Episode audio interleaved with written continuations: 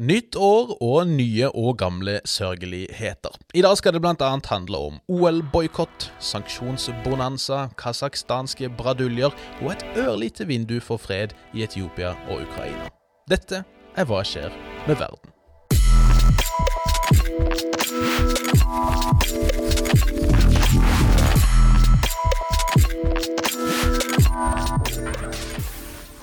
Hei og hjertelig velkommen til 2022s første episode av podkasten Hva skjer med verden? Denne podden for deg som er interessert i det som rører på seg innen internasjonal politikk, krig og fred, og det rotet midt inni mellom der et sted. Mitt navn er fortsatt Bjørnar Østby, og ditt navn er fortsatt eh, Nikodemus Brandal, eh, Nick. Hjertelig eh, godt nytt år, holdt jeg på å si. Ja, godt uh, nytt år, med Riktig. tydelig pause mellom uh, nytt og år. Nyttår er som kjent over 31. i 12. Helt 00 23 59 00. Eh, Det er hyggelig å være til, tilbake igjen. Det er jo den, eh, den samme, samme gamle podkasten med det samme gamle røret, hadde jeg nær sagt.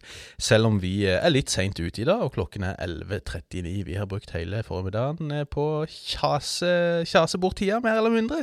Men nå er vi klar. Og en ting som er nytt i år, når vi nå går inn i det blir det tredje året vi, vi driver med den her. Vi starta våren 2020, så 2020, 2020 Ja, det er samme det. Men eh, i år har vi tenkt at vi må spice opp ting lite grann. Vi må få dere lyttere med oss litt i våre egne episoder. Så derfor så har vi tenkt å åpne opp, rett og slett, for at vi lar dere stille oss noen eh, spørsmål.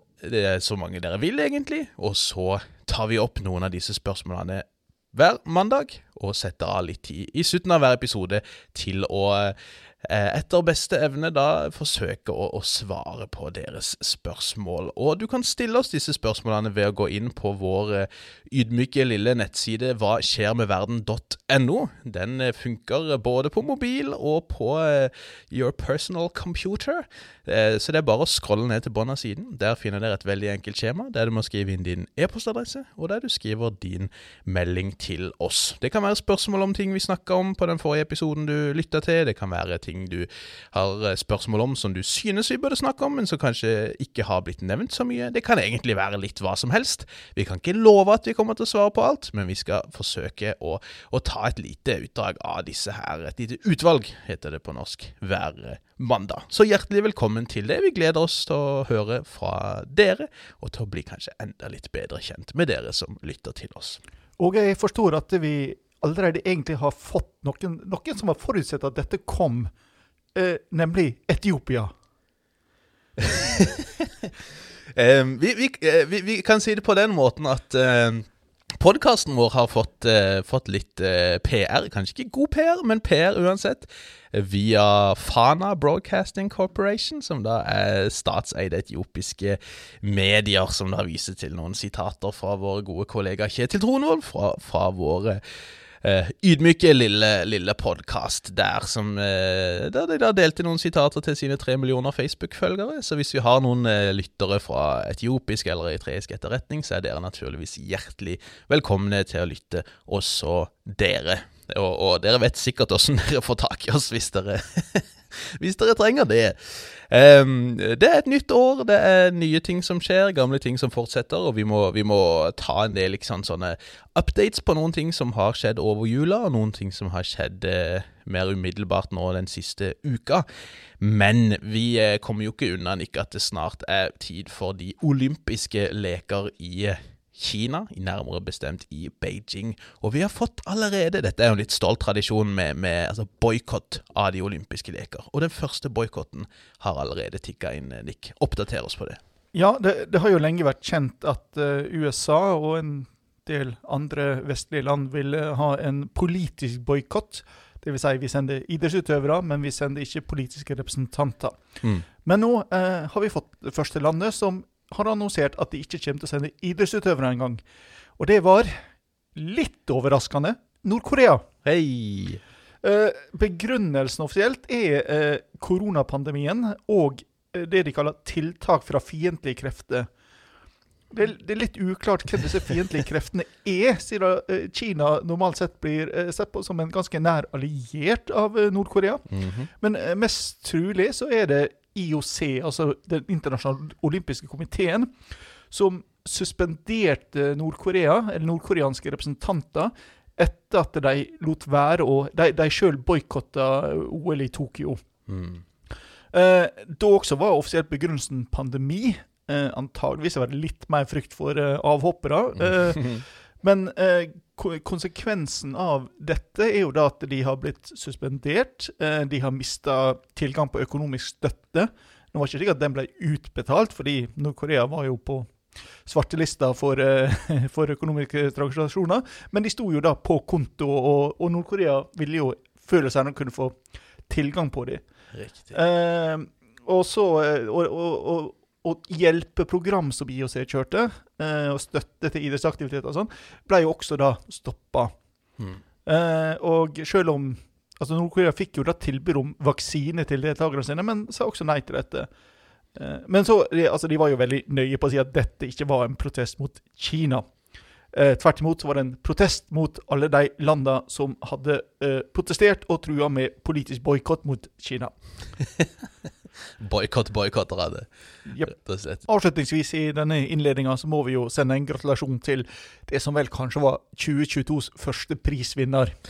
Ja, og prisen var jo eh, egentlig for eh, noe som skjedde i 2021, men det var jo altså da Morgenbladet som eh, kjørte en ja, vi kan jo si smått polemisk eh, greie på kåre årets verste statsledere, der de da hadde et eh, ekspertpanel bestående av meritterte statsvitere som eh, Carl Henrik Knutsen på UiO, Lise Rakner på UiB, Helle Malmvik på Dansk institutt for internasjonale studier og Dan Smith fra Stockholms internasjonale fredsforskningsinstitutt.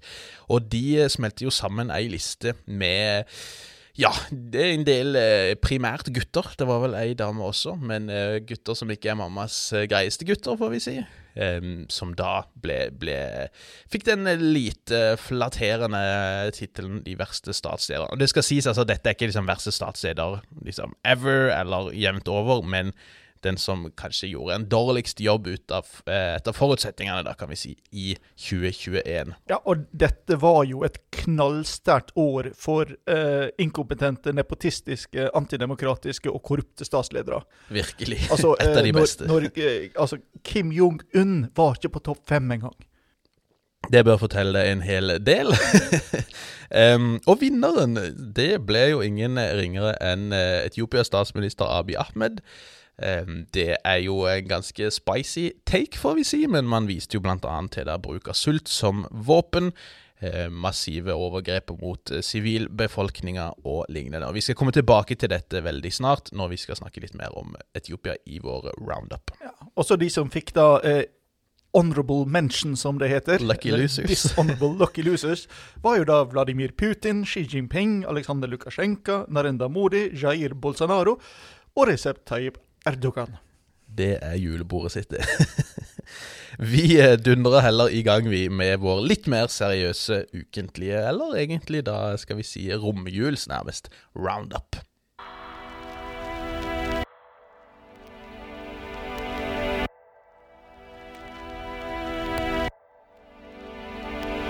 Vi kan starte årets første roundup med bare en sånn kjapp, kjapt sveip gjennom eh, det vi godt kan kalle et lite sanksjonsbonanza siden slutten av desember og frem til i dag. Det har eh, vært eh, sanksjoner både til høyre og til venstre, som vi sier. Og, og vi kan jo kanskje starte med at USA har eh, slappa såkalt. Det er, veldig, det er et sånn begrep man bruker om sanksjoner, og til slap sanctions on someone. Det er liksom en måte å si det på. De har slappa såkalt sanksjoner mot eh, den eh, bosniske politikeren Dodik, som vi har nevnt en rekke ganger før. Han er en eh, ja, skal vi si ganske hardhendt og, og splittende, for å si det mildt, eh, type, som da eh, bosser politikken i eh, Republika Serbska, såkalt, denne liksom serbiske delen av Bosnia-Hercegovina. Og eh, det har vært jo mye snakk om eh, hvordan han eh, fronter en del av det samme tankegodset som folk som eh, Milosevic gjorde før han, osv. Det er mye splittende retorikk, det meldes om mye korrupsjon. Det meldes rett og slett om eh, regelrette trusler om å eh, løsrive seg fra Bosnia-Hercegovina fullstendig. Og USA gikk i eh, desember ut mot Dodik og slappa sanksjoner mot eh, han, grunnet det de kort da oppsummerte som 'corrupted activities and continued threats to the stability and territorial integrity of Bosnia and Herzegovina'. Og deres eh, liksom kort oppsummering er jo basically at hans aktiviteter truer denne Dayton-avtalen, som fikk en slutt på borgerkrigen i Bosnia i 1995 så er det jo et aldri slite problem her at for at sanksjonene skal bli effektive, så må EU slutte seg til dem. Og gjett hvilket EU-land som har sagt at det kommer aldri til å skje. Og dere som gjetter på Ungarn og Viktor Orban, kan slappe dere sjøl på skuldra. Eh, vi har fått nye eh, Faktisk fra EU så har vi fått noen eh, nye sanksjoner. Ikke så veldig overraskende, kanskje, og disse har vi eh, nevnt før at antageligvis vil komme, men vi har fått eh, EU-sanksjoner mot denne russiske Wagner-gruppen. Eh, et såkalt privat militært selskap som overhodet ikke har noen ting å gjøre med verken Kreml eller russiske geopolitiske interesser, må vite. Og EU e har iverksatt sanksjoner ut ifra det, det de sier er fire forskjellige sanksjonsregimer som allerede eksisterer. Man har fått inn sanksjoner under EUs Global Human Rights Sanctions Regime, i tillegg til at man også har iverksatt sanksjoner under eksisterende sanksjonsregimer knyttet til situasjonen i Libya, i Syria, og også med tanke på Ukraina og det landets territorielle integritet. Men det som ser ut som det har utløst at dette skjer akkurat nå, det er nok heller at eh, det etter hvert har blitt klart at Wagner-gruppen har sendt styrker til Mali på invitasjon fra Mali, riktignok. Noe som ikke har blitt godt mottatt, verken fra eh, fransk hold, sjokk, og heller ikke fra EU-hold. Så det er nok mye på grunn av det at eh, den timinga har blitt som den har blitt. Og Når vi er inne på Mali, så har vi jo faktisk bare de siste par dagene fått nye sanksjoner også der.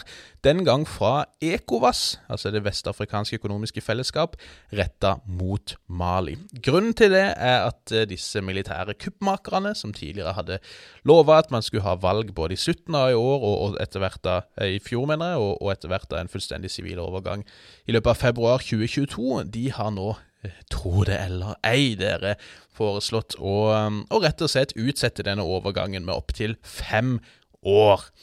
Dette ble naturligvis ikke veldig godt mottatt i ECOWAS, og, og for så vidt eh, store deler av det internasjonale samfunnet for øvrig. Eh, og, og, etter litt liksom, fram og tilbake med ECOWAS, så har de vel kommet tilbake og sagt greit, da, vi kan si fire år i stedet. En representant fra Ghana som leder ECOWAS nå, han sa at dette er bare en vits. Og, og eh, linja fra ECOWAS i sitt nye statement, der de slapper ganske heftige økonomiske sanksjoner mot Mali, den sier at denne beslutninga fra det militære lederskapet, eller fra denne overgangsregjeringa i Mali, det sitat betyr at et illegitimt militært overgangsstyre vil holde Malis befolkning som gissel. Sitat slutt. De har eh, iverksatt eh, kraftige sanksjoner, bl.a. ved å, å stenge grensene til Mali håper jeg, utenfra, med tanke på både transport på bakken, eh, og de har stengt de også da i luften. Eh, og så har de også iverksatt ganske kraftige økonomiske sanksjoner på alt fra liksom finansielle overføringer, utestengelse fra eh, pengeunioner og lignende som, eh, som alle eh, svir ganske kraftig. Nå så jeg nettopp at Mali har eh, svart holdt på å si, med å si at de stenger grensene eh, mot sine naboland, at de kicker ut representanter fra Ekovas. Eh, men, men, dette er ganske sånn eh, hardhendt, kan vi si, fra Ekovas i møte med en, et overgangsregime de ikke ser på som legitimt lenger. og dette er også da faktisk langt kraftigere sanksjoner enn det man iverksatte etter dette kuppet, innad i et kupp i, i mai i fjor. Så eh, spennende situasjon å se på, og, og, vel verdt å merke seg at dette med sanksjoner, det er ikke bare liksom vestlig imperialisme, det er noe også så, afrikanske regionale organisasjoner kan stå for. Det kan jo også godt tenkes at vi snart vil se nye sanksjoner retta mot Sudan, for eh, der har det vært massive demonstrasjoner i lang tid, egentlig etter militæret eh, tok makta gjennom et kupp og fjerna denne sivile komponenten. Eh, det har vært massive demonstrasjoner også etter at Abdullah Hamdok ble satt inn igjen som statsminister, for å på en måte prøve å gi dem et visst sivilt alibi i dette militæret, men eh, protestene de har fortsatt. Det var tusenvis av demonstranter som også gikk inn liksom i forgården til presidentpalasset, til og med. Og eh, disse her eh, demonstrasjonene har etter hvert resultert i at Hamdok har trukket seg igjen, som gjør at man da ikke lenger har en sånn sivil skal jeg si, gallionsfigur. Militæret har ikke lenger egentlig noe sivilt alibi i det hele tatt. Det har heller ikke gjort at demonstrasjonene har stoppa. Det har vært svære demonstrasjoner også denne helga. Til nå så meldes det om at så mange som 63 demonstranter har blitt drept siden dette kuppet i oktober. Bare to senest nå i denne helga også har, har blitt eh, meldt om. Så det er en veldig fastlåst situasjon der militæret ikke virker å være villig til å si fra seg makta, og der gata ikke vil, eh, virker å være villig til å, å la militæret slippe unna med sitt kupp. Så ikke veldig overraskende om det også skulle komme noen nye sanksjoner der. Det virker for meg som det internasjonale samfunnet er litt sånn i villrede om hva de skal gjøre. De hadde nok satt litt for mye eh, i, i, at det skulle lykkes med Hamdok, og, og, hva alternativet blir nå, vil tiden vise, men det er definitivt en situasjon vi skal følge med på. Vi har fulgt med på Myanmar mye i det siste. Vi har allerede vært innom noen av anklagene mot Aung San Suu Kyi, og der har det også skjedd et og annet eh, nikk. Ja. Eh, det siste vi snakka om, jeg tror faktisk i den siste sendinga før, før, jul, var jo at den, første dommen mot Aung San Suu Kyi for uh, påståtte forbrytelser fra militærjuntaen falt. Hun fikk da fire års fengsel. Det ble eh, senere satt ned til to år av eh, militærjuntaen. uklart hva slags juridisk prosedyre som var inne der. um, Men eh, nå eh, kom da dommen i den andre rettssaka. Eh, det vil komme flere etterpå.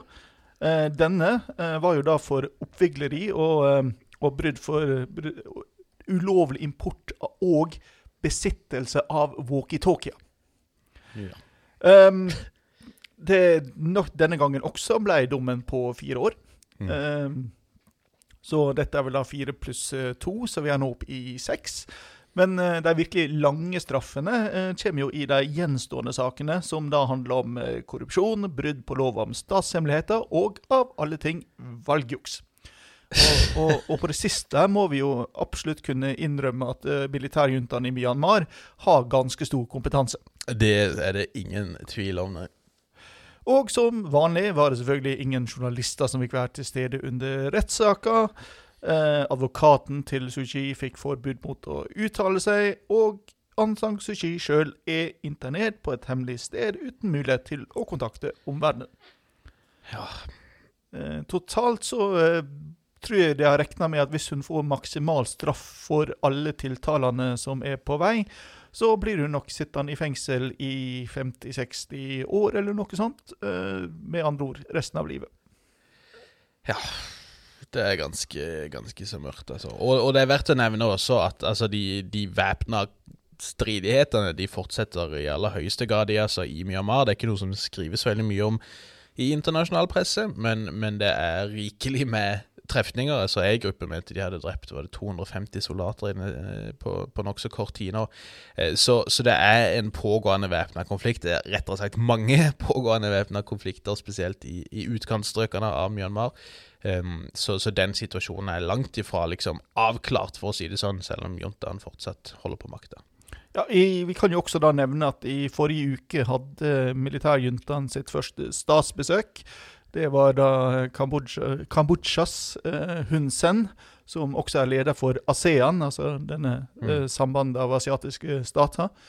Uh, han, uh, offisielt så var han jo der for å starte den, den prosessen. De, de, har jo lagt fram en sånn fredsplan, eller innledende plan for hvordan man kan få uh, slutt på militærregimet.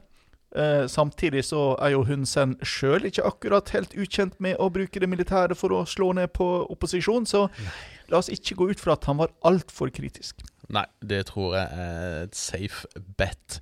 Og eh, vi må jo også snakke litt om Etiopia. Det er liksom vanskelig å vite hva han skal si og ikke, for det har skjedd mye eh, bare den siste tiden. Samtidig som det er ganske vanskelig å, å, se liksom klart på hva disse tingene som har skjedd, egentlig betyr. Hva er de sannsynlige konsekvensene, implikasjonene, og så. Jeg kan jo nevne med litt sånn skamløs selvpromotering at det har vært ute litt i, i krigen sjøl, i denne såkalte samfunnsdebatten i eh, den etablerte avisen Vårt Land.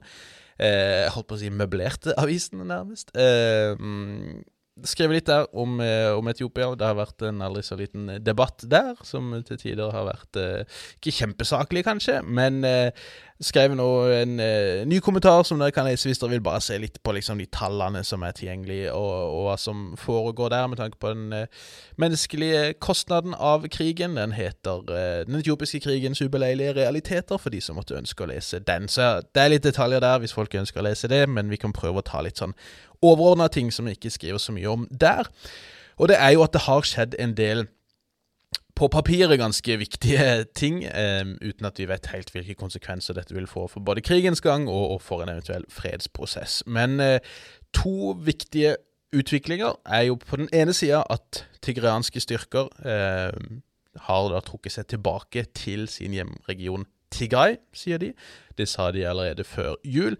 Mens da myndighetene har sagt at de vil stanse sine militære operasjoner på grensa si, til Tigray, og ikke fortsette de inn i, inn i regionen for å prøve å liksom gjenskape eller prøve på en sånn round two av deres opprinnelige law and order-operasjon i november 2020, hvor de nokså raskt tok kontroll over regionshovedstaden Mekkele.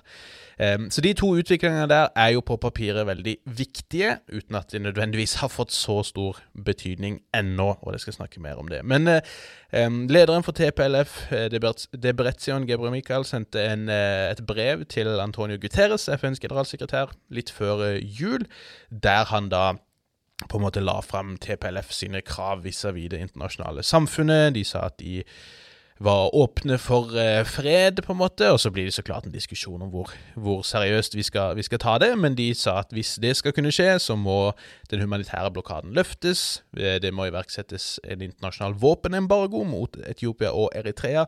Og det må etableres en no fly zone over Nord-Etiopia. Ingen av delene har skjedd. Ikke veldig overraskende at ingenting av det har skjedd, for så vidt. Men, eh, men, de viste da til uh, dette internasjonale ansvaret for å beskytte, The Responsibility to Protect, som en uh, enstemmig generalforsamling stilte seg bak i, i 2005. Uh, så, så, man tar ikke dette liksom Altså, prinsippene, resonnementet er ikke tatt ut fra løse lufta, men, men det, det, vil alltid være spørsmål rundt hvor genuint dette er, og så videre. myndighetene har som sagt på sin side sagt at de ikke vil angripe Tigray, eh, men det har kanskje vært sant på bakken, det har ikke vært sant med tanke på luftangrep. Det har vært en lang rekke droneangrep som i økende grad også rammer sivile. Eh, bare i 17. av desember var det en rekke angrep hvor flere titalls sivile mista livet, spesielt i sørlige Tigray. Det, nå over nyttår så har det også vært en rekke luftangrep i eh, nordvest Tigray, og det har vært flere tilfeller nå hvor eh, flyktningleirer, altså leirer for internt fordrevne, har blitt truffet. Flere eritreiske eh, flyktninger har blitt drept, og, og senest nå i løpet av helga som var, så mista 57 mennesker livet eh, i et droneangrep mot en leir for internt eh, fordrevne. Det var Opprinnelig var det meldt om 56. Eh, en person til skal ha, blitt, eh, mista livet nå i, i etterkant. Eh, og Som en konsekvens av dette så har jo da også flere nødhjelpsorganisasjoner sagt at nå må vi stanse vårt arbeid i eh, Nordvest-Tigray spesielt, fordi at dette rett og slett ikke er trygt nok lenger. Samtidig så er jo den humanitære blokaden på plass, sånn som den har vært ei stund. Det har ikke kommet inn en eneste lastebil siden 15.12., sier både FN og, og USAID. Det kommer ikke inn medisiner. Det har ikke kommet inn siden juni, hvis vi skal tro på det de eh, forskjellige største eh, sykehusene i Tigray-regionen sier. Der er det flere og flere mennesker som mister livet. Rett og slett fordi at man ikke har helt liksom, grunnleggende medisinsk tilgang til, til, til medisiner som enkelt kunne kurert en del av de sykdommene det er snakk om det er også flere og flere som, som uh, lider sultedøden etter det som, som rapporteres. Så det er en fryktelig kritisk situasjon. Det ligger an til at flere av disse sykehusene må stenge, og det er også flere av disse nødhjelpsorganisasjonene som rett og slett sier at de ikke har drivstoff lenger til å operere, fordi at det har vært en blokade eh, også med å få inn drivstoff til denne regionen. Så situasjonen i nord er høyst prekær fortsatt. Og så kom det jo en liten gladnyhet, da. Eh, 7. januar, i anledning etiopisk, eller ortodoks om du vil, jul, hvor eh, myndighetene kunngjorde at eh, de hadde løslatt en, rek en, rekke politiske fanger som har vært eh, fengsla i eh, godt og vel et år. Blant de da flere profilerte opposisjonspolitikere, spesielt da fra et parti som heter Oromo Federalist Congress. Eh, og dette er jo så klart altså dette er jo et ubetinget gode, at politiske fanger slippes fri det er en viktig ting. Og, og, blant disse her fangene så var det også flere sånne TPLF eh, oldtimers, om du vil. Folk som var med på å starte bevegelsen back in the day. Disse har, så vidt jeg kan forstå, ikke veldig stor innflytelse i dag. På, hvert, hvert fall ikke på det som foregår i Tigray, og nok heller ikke veldig mye innflytelse på organisasjonen. Så, så etter det jeg hører andre eksperter på feltet si, så, så, virker det ikke som det i seg sjøl nødvendigvis vil være en vei mot forhandlinger med TPLF, men, men det at disse Oromo-lederne blir sluppet fri, er, er, definitivt veldig betydelig. Det som er interessant å se, er jo også at dette her ikke bare mottas med glede og lettelse. Mange etiopere er veldig happy med dette, så klart, men man ser også at en del av Abis støttespillere er langt mer kritiske, langt mer skeptiske til at disse lederne har blitt sluppet fri. Litt av det kan handle om at, som navnet på dette partiet antyder, så er flere av disse lederne føderalister. De ønsker altså en føderal stat hvor makten er konsentrert ute i regionene. Den er desentralisert, hvor man har en grad av selvbestemmelse på regionalt plan, der regionene da er delt opp etter de, de største etniske gruppene i landet. Abi sitt prosjekt, og et prosjekt som, som flere av lederne som tilhører den eh, Amhara-etniske gruppa, det er mer et prosjekt for å skape en sentralisert, en slags unitaristisk etiopisk stat, som, som da skal forankres i en felles etiopisk nasjonal identitet, heller enn at man samler en rekke etniske grupper under en slags overordna etiopisk kappe. Så det kan bety at hans politiske prosjekter står litt i, i, i spagaten, rett og slett. Han må på den ene sida prøve å berolige eh, oromo-massene, holdt på å si, som er en av de eh, største etniske gruppene, samtidig som han også må prøve å berolige hans allierte i Amhara-gruppa, som eh, inkluderer da også ganske ytterliggående nasjonalistiske elementer, som nok neppe vil være happy med en retur til, til den etniske føderalismen som, som TPLF eh, iverksatte da back in the days. Og det er interessant å se at en del fra denne No More-bevegelsen, en slags sånn pro-Abi-bevegelse som er svært uh, høylytte på sosiale medier, Eh, flere av de omtaler jo dette som nærmest et svik, liksom, og et nederlag, at disse politikerne har blitt sluppet ut. Um, så det blir interessant å se om han greier på en måte da, Abi å, å holde sin koalisjon samla, til tross for, um, for at han tilsynelatende da har kommet med noen slags innrømmelser til opposisjonen. Og Det er spesielt interessant da å se hvordan dette forholdet med Amhara-delstaten vil utvikle seg videre. Amhara-gruppa er jo da en av de to største etniske gruppene i landet. Amharar dominerte politisk under keiserdømmene og under det kommunistiske Derg-regimet. Eh, og, og, har eh, mye de ønsker å ta igjen, holdt på å si, tror jeg nok, fra, fra den tida Tigray eh, TPLF regjerte. Tigrayene utgjør 6-7 av, av befolkninga, så de er langt færre enn det både amharene og oromoene er. Og Vi ser jo allerede at Amhara-delstaten har sagt at de kommer til å kreve erstatninger fra den føderale regjeringa for sin krigsinnsats, fordi de hevder at det er de som har stått for mye av krigføringa mot TPLF, eller mot TDF, da.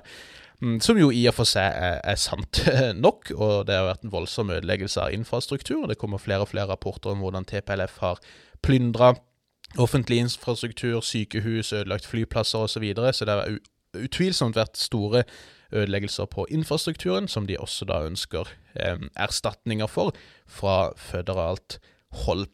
Og Det kanskje vanskeligste for AB er jo at selv om mye av den her liksom prostatlige propagandaen snakker om liksom bred panafrikansk solidaritet med Etiopia, og at grunnen til at det er blitt krig, er fordi USA ikke tåler et så selvstendig eh, og stolt land som Etiopia, så er jo Etiopia under Abiy alt annet enn selvstendig, dessverre. Man har jo, altså Abiy har jo bundet sin skjebne mye til hva Eritrea vil, og hva denne Amhara-eliten også vil. Og, og, det kan jo tyde på at både Eritrea spesielt, men også kanskje disse samharene, har ganske andre ambisjoner enn det Abi har. Eh, så problemet nå er jo at om så Abi, og altså hans regjering, Prosperity Party og TPLF ønsker fred, så blir det ikke fred med mindre både Eritrea og denne regionale regjeringa i Amhara går med på det. TPLF påstår nå at Eritrea har starta en ny eh, eh, offensiv i Nordvest-Tigray, i disse områdene som nødhjelpsorganisasjoner har trukket seg ut av nå.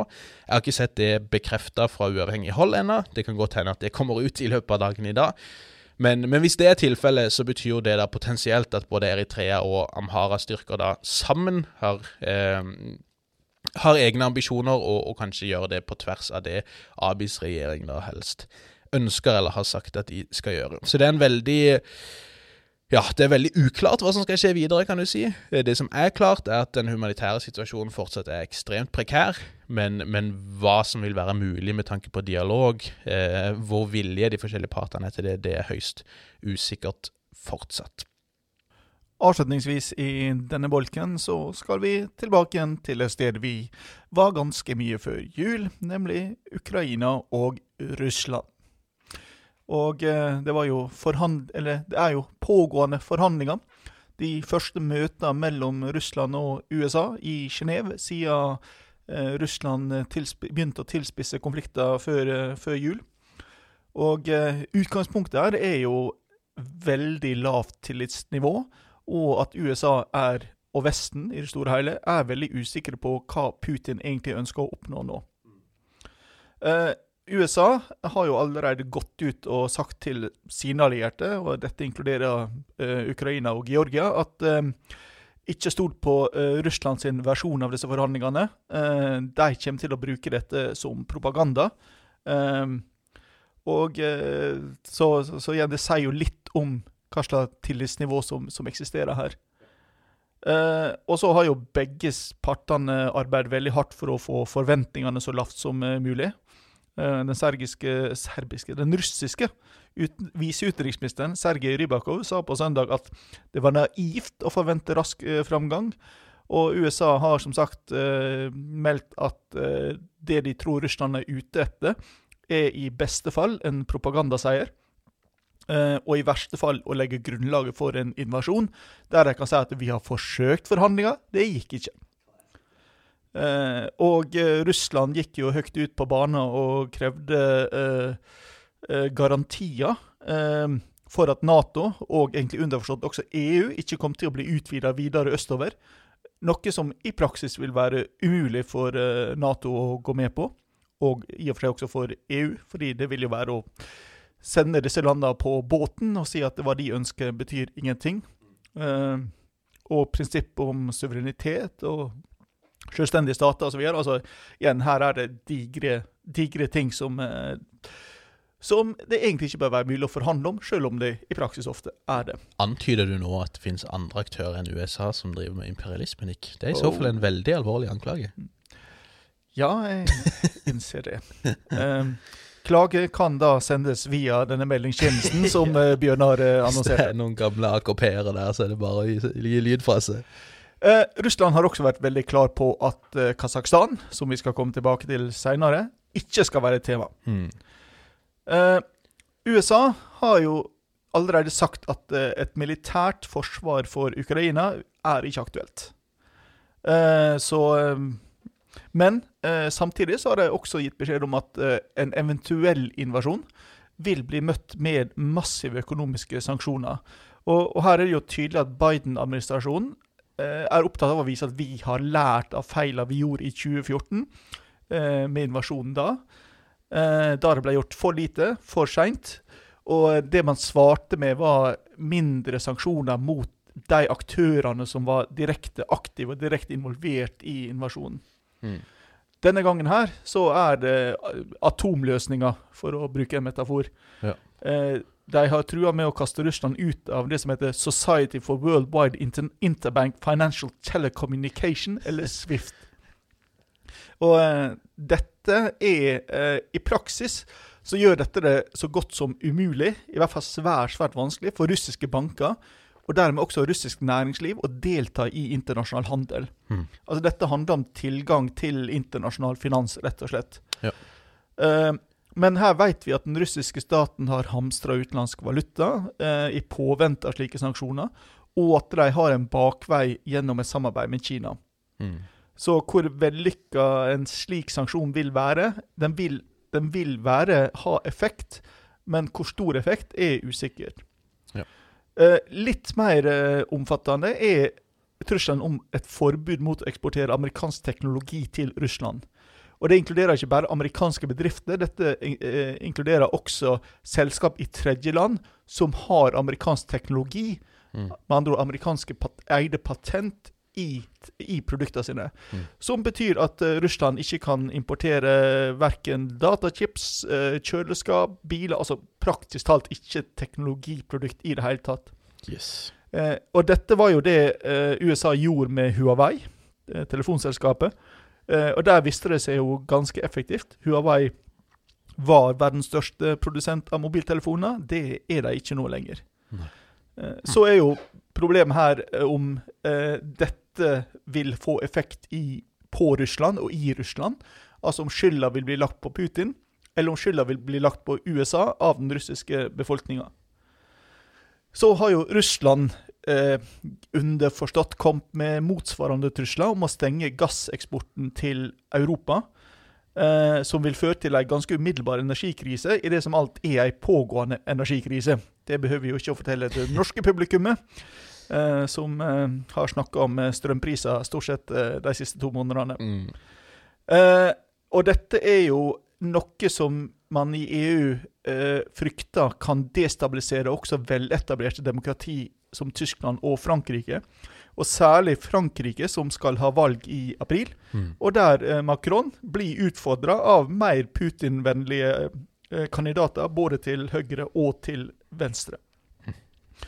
Eh, og en tredje eh, faktor, eller tredje virkemiddel som USA eh, vurderer, eller snakker høyt om, eh, men da ikke, ikke direkte fra administrasjonen, men mer som fra um, diverse hauker rundt omkring, det er jo at en eventuelt russisk okkupasjon av Ukraina vil bli møtt med en Afghanistan-strategi. Altså at man kopierer det man gjorde i Afghanistan på eh, 1980-tallet, med å sende inn våpen til mujahedin, Mm. eh, som nå da vil bli den ukrainske motstandsbevegelsen.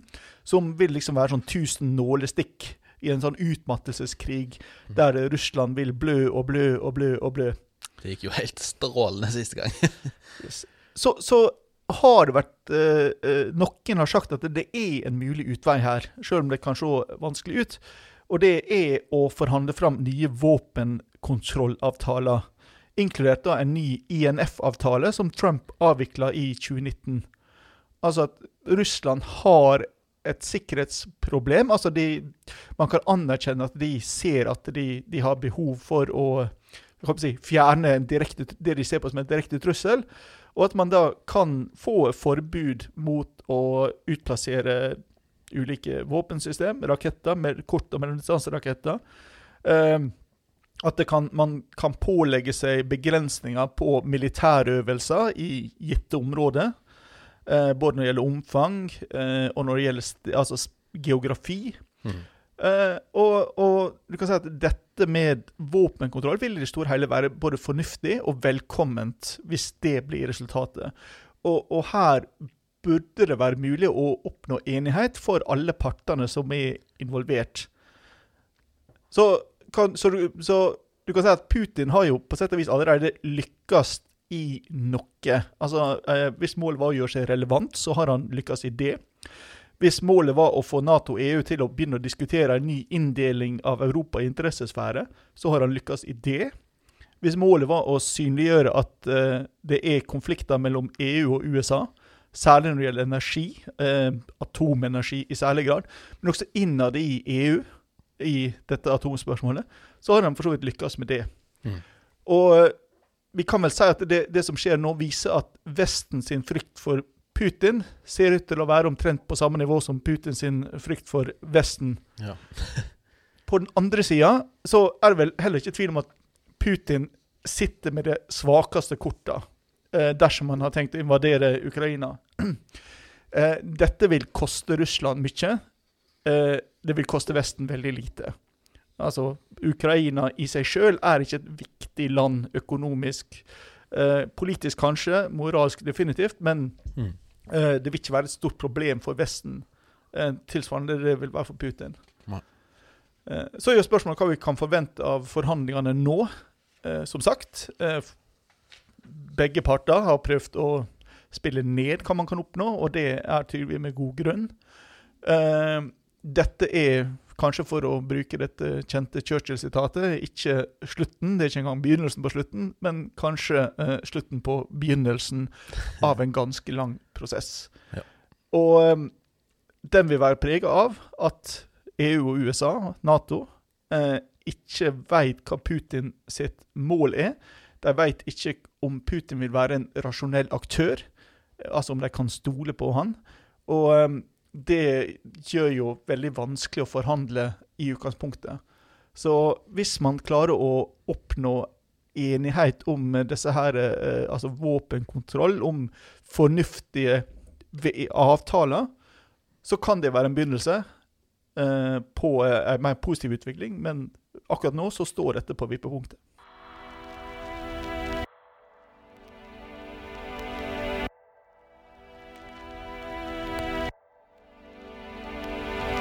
Putin har jo vært i, i nyhetene også på en annen front, får vi si, selv om ikke dette handler så mye om Putin.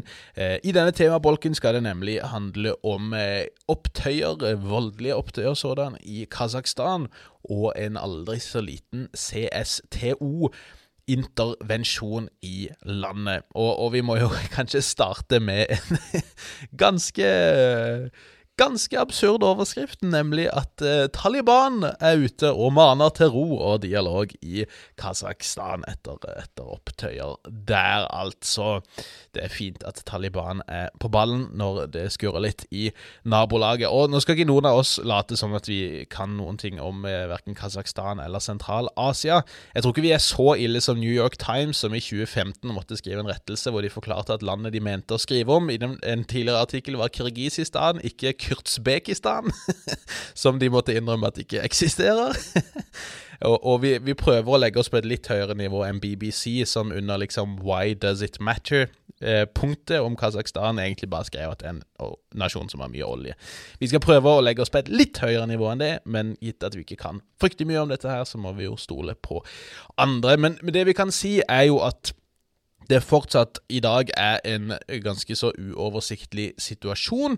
Eh, Det er vel pågående møter, i hvert fall nettopp vært møter med eh, lederne i CSTO for å kartlegge denne situasjonen. Men, eh, men det kommer jo stadig inn utviklinger og stadig inn nye tall om hva som faktisk har skjedd her. Vi bør kanskje for nye lyttere si hva CSTO står for. Ja, jeg tenkte egentlig vi skulle, vi skulle komme tilbake til det om, om litt, men det er kort fortalt den kollektive sikkerhetspakten. Et slags sånn regionalt eh, mini-Nato, om du vil, eh, i eh, Øst-Europa, Sentral-Asia, en del eh, tidligere sovjetstater. Eh, godt eh, godt tenkt der, Nick. Altså Kort fortalt, det som har skjedd, er jo at vi har hatt omfattende opptøyer rundt omkring i forskjellige deler av eh, av landet, og, og spesielt i Almaty, som da er på en måte den økonomiske hovedstaden, ikke den politiske hovedstaden. Der eh, var det jo flere, eh, mange demonstranter som angrep eh, offentlige bygg og inntok disse. Det var store ødeleggelser, men også etter hvert veldig høye dødstall. Jeg har sett snakk om tolv drepte politistyrker, eh, men, men eh, helsemyndighetene gikk ut og sa at 164 mennesker, altså antageligvis de fleste demonstranter, da har blitt drept i løpet av disse opptøyene til nå, men så var det også en sånn korreksjon om at nei, det var egentlig 44 osv., så, videre, så så det er litt vanskelig å vite. Poenget er at det er mange mennesker som har mista livet i disse opptøyene. Tusenvis skal ha blitt arrestert, og, og presidenten i landet, Kasim Yokar Tokayev, han hadde omtalt disse demonstrantene, og noen av de var væpna, det er helt sant, men han omtaler de som banditter, terrorister, fremmede elementer, og han nå antyda at det også var radikale islamister fra fremmede land som skal ha vært involvert i disse demonstrasjonene og opptøyene. Han passer jo på å slette tweeten der han hevder at 20 000 terrorister var på vei mot uh, hovedstaden hvis du er 20 000, så er du vel gått fra å være terrorist eh, til å bli en regulær armé. Ja, man skulle, man skulle tro det, men eh, terrorist er et greit sånn go to-begrep for folk du, du ikke liker. Ja. Startpunktet for, for det som skjedde nå, var jo, og det kan vi jo igjen i Norge kjenne oss godt igjen i, eh, det var jo da protester mot forhøyning av eh, gassprisen for drivstoff, kort og godt. Ja. Altså det er, det er energi som er frustrasjon over hele veien. Ja. Og det, det begynte jo da vest i, eh, i Kasakhstan, og så spredte det seg ganske raskt, og det ble også ganske raskt til et uttrykk for generell misnøye, og også politisk misnøye. Ja. Altså Det gikk jo da fra å være et forbrukeropprør til å bli et politisk opprør. Ja, og, og for vi som driver med litt sånn konfliktanalyse i, i vårt arbeid, så, så, så er jo poenget å skille mellom det som utløser eh, disse opptøyene, og det som på en måte ligger i bånn og ligger til grunn for mye av denne frustrasjonen. Så disse prisene virker jo å ha fått det til å bikke, på en måte. Men, men så er det som du sier der tydelig at, at mye av denne frustrasjonen her har jo nå tatt på seg en eksplisitt politisk karakter, der det er stor misnøye med politiske eliter, stor misnøye med både et autoritært styre, med eh, korrupsjon og med dette si, oligarkveldet, der man har et land som er veldig rikt på, på olje, men, men der mannen i gata ikke, ikke ser veldig mye av den rikdommen. Veldig mye rikdom fra oligarker er å finne i Storbritannia, og, og i London spesielt, der de har investert massivt i, i eiendommer. Eh, mens Tony Blair faktisk har eh, blitt betalt for å, å gjøre litt sånn, eh, sånn PR-arbeid for disse gutta her, så det er nok av sånne forskjellige byråer som også har vært med for å prøve å liksom hvitvaske imaget til Kasakhstan, kan vi nevne. Men vi ser jo at en del av denne misnøyen som er uttalt eksplisitt, den er retta mot Nursultan Nazarbayev, som da var president i landet fra 1990, da Kasakhstan ble selvstendig, frem til 2019, hvor han da utpekte denne tidligere nevnte Tokayev som sin arvtaker. Så er det jo en utbredt oppfatning, ikke så veldig ulikt kanskje da Putin dytta Medvedev foran seg i en periode, at gamle Nazarbayev han styrer egentlig sjappa fortsatt. Eh, han leder et sånn mektig nasjonalt sikkerhetsråd, og, og har på en måte økonomisk og politisk da angivelig dominert politikken, selv om en annen mann eh, var liksom frontfiguren, da, kan du si. Og, og det ser jo ut som Tokayev kanskje har prøvd å distansere seg litt. Det er viktig å påpeke både her, og, og man kan si det samme om Egypt i 2011. Det er ofte på denne måten at Parallelt med skal vi si, kampene i gata, så er det gjerne en kamp også på elitenivået, der det ser ut som det da er en slags dragkamp nå mellom Nazarbayev, som ikke har blitt sett på ganske lenge, og, og den sittende presidenten Tokayev. Tokayev oppløste regjeringa og satte inn en ny interimadministrasjon. Han har sjøl tatt over eh, rollen som lederen for dette sikkerhetsrådet, og, og da med andre ord kasta ut Nazarbayev fra det. Men det virker jo ikke som befolkninga er, er happy med det av den grunn. Ja, det, det er jo veldig uklart hva som er skjedd her. Det, det har jo gått rykte om at eh, familien Nazarbayev og familien har, hadde forlatt landet, men så kom jo en av hans talsmenn ut og sa at nei, nei, nei, det stemmer ikke. Han var, eh, han var fremdeles i hovedstaden, han var i direkte kontakt med Tokayev.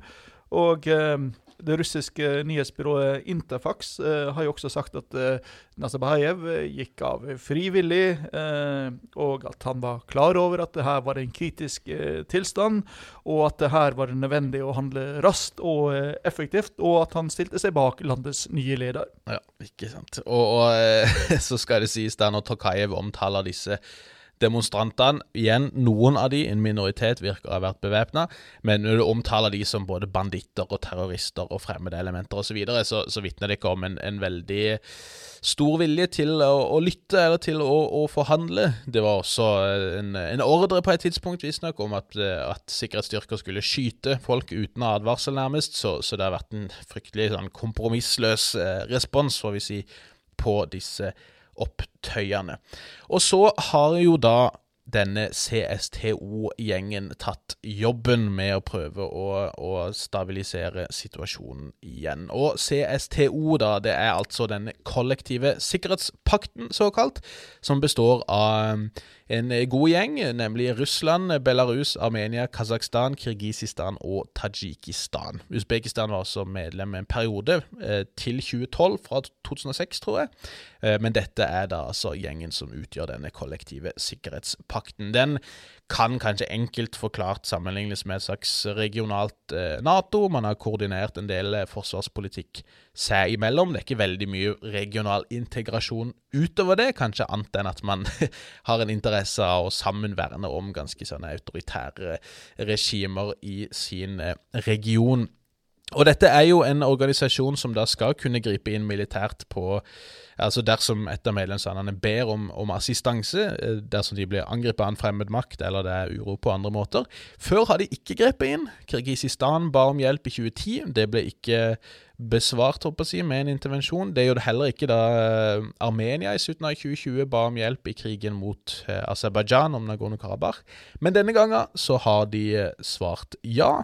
Det er fortsatt litt uklart hvor mange styrker som er på bakken, og, og hvordan det er bygd opp. Jeg har sett ett et anslag som går på at det er ca. 3000 russere, 200 tajiker, 70 armenere, ca. 100 fra Kirgisistan kanskje, og, og, resten da 230 kanskje da ca. fra Hviterussland. Det er vanskelig å vite på dette tidspunktet. Jeg har faktisk sett bilder av noen av de med blå FN-hjelmer på. Det er altså ikke en FN-operasjon, dette her. Eh, hvorfor de går med det, vet jeg ikke. Det kan være for å vise at de er fredsbevarende styrker, som de hevder. Det kan være at noen av disse her er trent og håper jeg, godkjent fra FN-hold, som, som, gjelder noen av de eh, enhetene som er på bakken nå. Ganske uvisst, men, men det ser litt, litt spesielt ut, får man si. Hvorfor har de eh, intervenert nå i Kasakhstan og ikke i de andre tilfellene? Jeg har sett litt forskjellige hypoteser eh, på dette her, men én grunn kan jo være at både Russland og Putin på den ene sida og Hviterussland med Lukasjenko frykter at at det, det, kan bli en sånn demonstrasjonseffekt av at disse massive demonstrasjonene i, i um, Kasakhstan inspirerer befolkninga i Russland og i uh, Hviterussland til å starte sånne ganske sånn spontane eh, og massive demonstrasjoner, som, eller opptøyer, rett og slett, som, som kan få store konsekvenser for regimene i, i, de statene. Ja, kort og godt frykta for en arabisk vår i regionen. Ja, rett og slett, om du vil. Og eh, en, et annet take som jo også kan være høyst troverdig, det er at dette er et slags russisk signal, ikke til Vesten om å vise at vi er villige til å gripe inn, ikke nødvendigvis med tanke på demonstrasjoner, men at det er et signal egentlig til eh, kasakhstanske politiske eliter og til sikkerhetsstyrkene om at liksom, vi eh, har ryggen til Tokayev, og hvis dere prøver der på noe annet, så, så vet dere hva konsekvensene er. håper jeg. Russland er her, CSTO er her, og vi støtter Tokayev. Det er ikke vits å prøve på noe tull. Ikke prøv der på noe kupp eller noe sånt. Resistance is uh, futile. Eh, vi har ryggen til Tokayev. Da.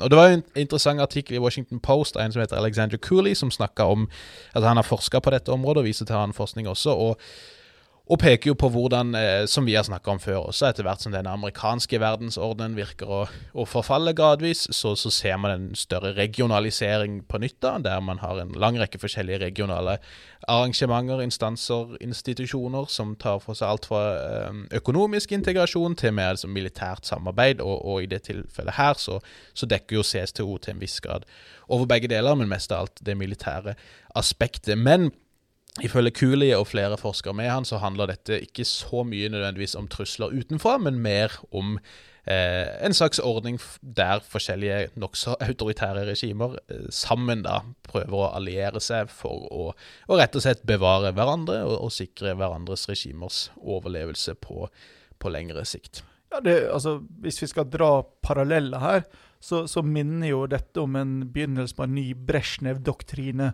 som ja. det ofte ble kalt. der da Brezjnev, som leder av Sovjetunionen, ga beskjed om at Sovjetunionen vil intervenere dersom deres støttespillere i eh, Øst-Europa blir trua innenfra eller utenfra.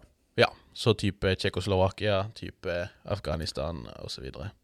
Eh, og eh, så er det jo interessant å merke da at eh, Tokayev nylig antyda at CS2-styrkene de, de, kommer til å dra om ei ukes tid, og virker jo ganske spesifikt der, mens lederen for CS2-styrker sier at vi blir her til situasjonen er avklart og, og ro og orden er gjenoppretta. Og, og, det er jo en kjent sak det at spesielt russiske fredsbevarende styrker har en lei tendens til å ikke, ikke stikke hjem igjen, som vi har sett i, i flere av disse utbryterrepublikkene både med Sør-Osetia og Transnistria, og, og, til en viss grad nå også i, i Kaukasus, med fredsbevarende styrker der rundt Nagorno-Karabakh. Ja. Så, så, kan det jo virke som om de verste protestene har lagt seg. I dag er det jo en eh, nasjonal sørgedag for å minnes ofrene for eh, eh denne eh, terrorhandlinga, eller terrorhandlingene. Mm. Eh, internett var så vidt tilbake igjen i, i en kort periode i går. og, og drivstofftilførselen har, har starta opp igjen. Mm. Så det, ja, det, det, kan se ut som om vi har en grad av normalisering. Og her bør vi understreke at eh, normalisering er ikke eh, slik som det bør være, men det er slik som det vanligvis er. Ja, rett og slett. Eh, hva heter det? Status quo ante? Er det det? Eh, nei, nettopp. Og, og, eh, og, det er jo interessant å se da at det har vært et CS2-møte nå nylig, der Tokayev har vært tydelig på at nei, dette var et kuppforsøk, og det var fremmede elementer som sto bak. Og det siste nå er jo at man, man liksom impliserer, eller sier egentlig rett ut, at det er radikale islamister som skal stå tilbake, uten at man har noe bevis for dette enn så lenge. Eh, mens Putin da har eh, sagt at Russland ikke vil akseptere fargerevolusjoner i sine naboland. Det høres ganske bresjnevete ut, det høres ganske imperialistisk ut, men som vi har fått avklart, så er det jo kun Vesten som driver med slikt. Og eh, det, et eksempel på hvordan Vesten driver dette, her, er jo at uh, Tyskland øyeblikkelig stoppa våpeneksport til uh, Kasakhstan. Ja. Uh, det var vel Forkastelig. Ja. Jeg tror i fjor så var det snakk om totalt 25 lisenser til en verdi av sånn rundt 20, 20, milliard, 20 millioner kroner. Ja, rett og slett. Eh, så det, det, er mye som kan skje fortsatt, og det er mye som fortsatt er uoppklart, uavklart. Men, eh, men vi får eh, se om vi har noen oppdateringer kanskje neste uke. Jeg tror vi skal gi oss der på, på ca. en eh, time. Men eh, vi takker jo igjen for at dere følger med oss også inn i et nytt år. Og så vil vi jo da igjen også oppfordre de som har lytta helt til nå, om å, å, sende oss spørsmål om du har noe. Er det noe du lurer på, så er det bare å gå inn på hvaskjermedverden.no, send oss et lite spørsmål, og så kommer vi til å, til å svare på et utvalg av de hver uke frem igjennom. Det vil med andre ord bli heftig forhåndssensur. Hysj. Vi sier eh, takk for følget. Takk til deg som vanlig, Nick. Sjøl takk, Bjørnar. Takk for eh, oss. Vi snakkes.